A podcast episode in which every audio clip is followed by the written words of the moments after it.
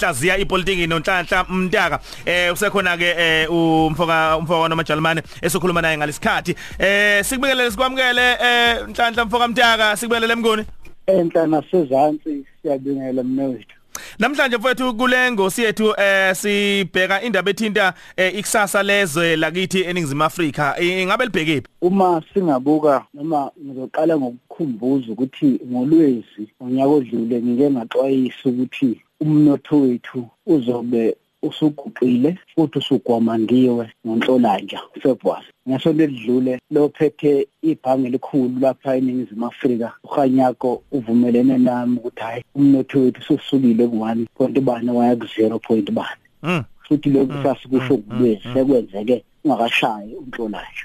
Yo. Okwesibili ke osekusele ilokho okugwamanda ngizocela ukwenza isithombe lapho isithize engithombe ukuthi abalaleli bazosiqonda ngoba ngikhuluma nabo njengabanikazi balento engikhuluma ngayo. Sinentokazi lapha ebizwa ngokuthi uningizimu Afrika ineminyaka njengamashumi amabili nesithupha. Mm kodwa ngenxa yinhle inakho konke inengcebo inomhlaba inanabantu yinhle lentokazi kodwa ngenxa yendlala abazali bayo banguhulumeni basesilingweni sokuyithengisela amaqhegu mm amaqhegu lapha e-United Kingdom namhlanje angazi noma abalaleli banolwazi ukuthi kunomhlangano omkhulu obizwa ukuthi i-UK Africa Summit. Mm la mazwe eh, awu21 abiziwe amangisi amaqhegu ezomnotho mm ahlulwa zinkinga zawo azothi afuna lokuthiwa ngesilungu i-free trade ngithemba ukuthi uqaba kusasa uzoyichaza ukuthi yini. Kodwa ukuchaza ukuthi afuna ukuyingenela nje emnothweni wase-Afrika ngoba xakwe indaba zawo eh, ze-European Union. Amanye amaqhegu lento wazi ethengiselwa yona amashayina. Mm ngizwa abantu bethi amashayina ayasithanda lethe umnotho. Axakekile abanamhlaba aneyinkinga amashayina njengoba ezalithi nje azofudumeza imnotho yawo kithi ukuze yawo ilunge emazweni awo. Inkinga ke khona ukuganisela lamaqhegu ukuthi awazi nalutho lamaqhegu kulentokazi eningizimu Afrika Mm. eza neyinkinga zawo eziwona azozuza. Lentokazi eminyakeni engamashumi amathathu eminyakeni engamashumi ayisihlanu izohlala inje i- i- ingelutho ingenalutho. Yikho ke ngithi ngeshwa lethu nomzali onguhulumeni onengcindezi ngoba wayethe kuyoshaya isikhathi esithize umnotho usukuleli zinga uyabona ke njengoba ungasazanga nje sesisesilingweni sokuthi athathe noma yini eqhamukayo yikho ngithi ke manje indaba sekufuneke iye kubanikazi bale ntombazane okungabavoti nabantu baseningizimu Afrika ukuthi hayi bo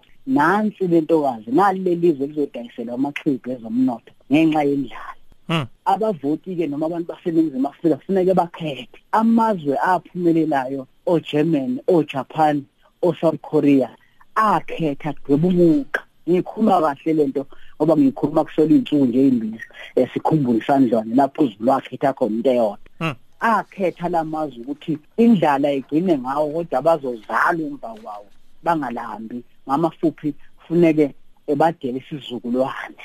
Ukuze iza izukulwane zikwazi ukusinda. Sikuleyo mpilo abazali balentombazane abantu baseningizimu Afrika.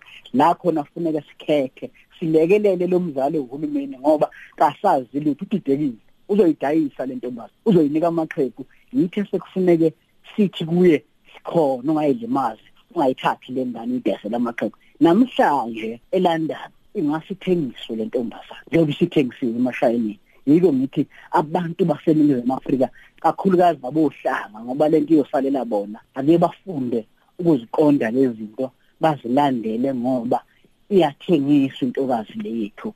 Esiyothi sivula amehlo iyobe isi isingubhiginqwayo nje konke lamaqhegu ezomnotho engikhuluma ngawo uqala namuhla. Mfowethu sibonga kakhulu mfowethu. Eh sibheka phambili ke ukubheka eh nanokuthi nje nithi nisichathazelele ukuthi ngabe ke iyozala inkomo njengoba ngempela kubonakala ukuthi ke umnotho wethu eh uya ngokuya ke eh ufadalala. Siyabonga kakhulu ngesikhathi sakho mfowethu sikufisela usuku oluhle. Sibonga kakhulu. Unhlanhla Mtaka uyamthola lapha ke eh phephandabeni eh ibayede news na ku Facebook uthi nje ke bayede news kanti ke ku Twitter @nhlanhla Mtaka. Isidlo sasekuseni sibaluleka kunazo zonke.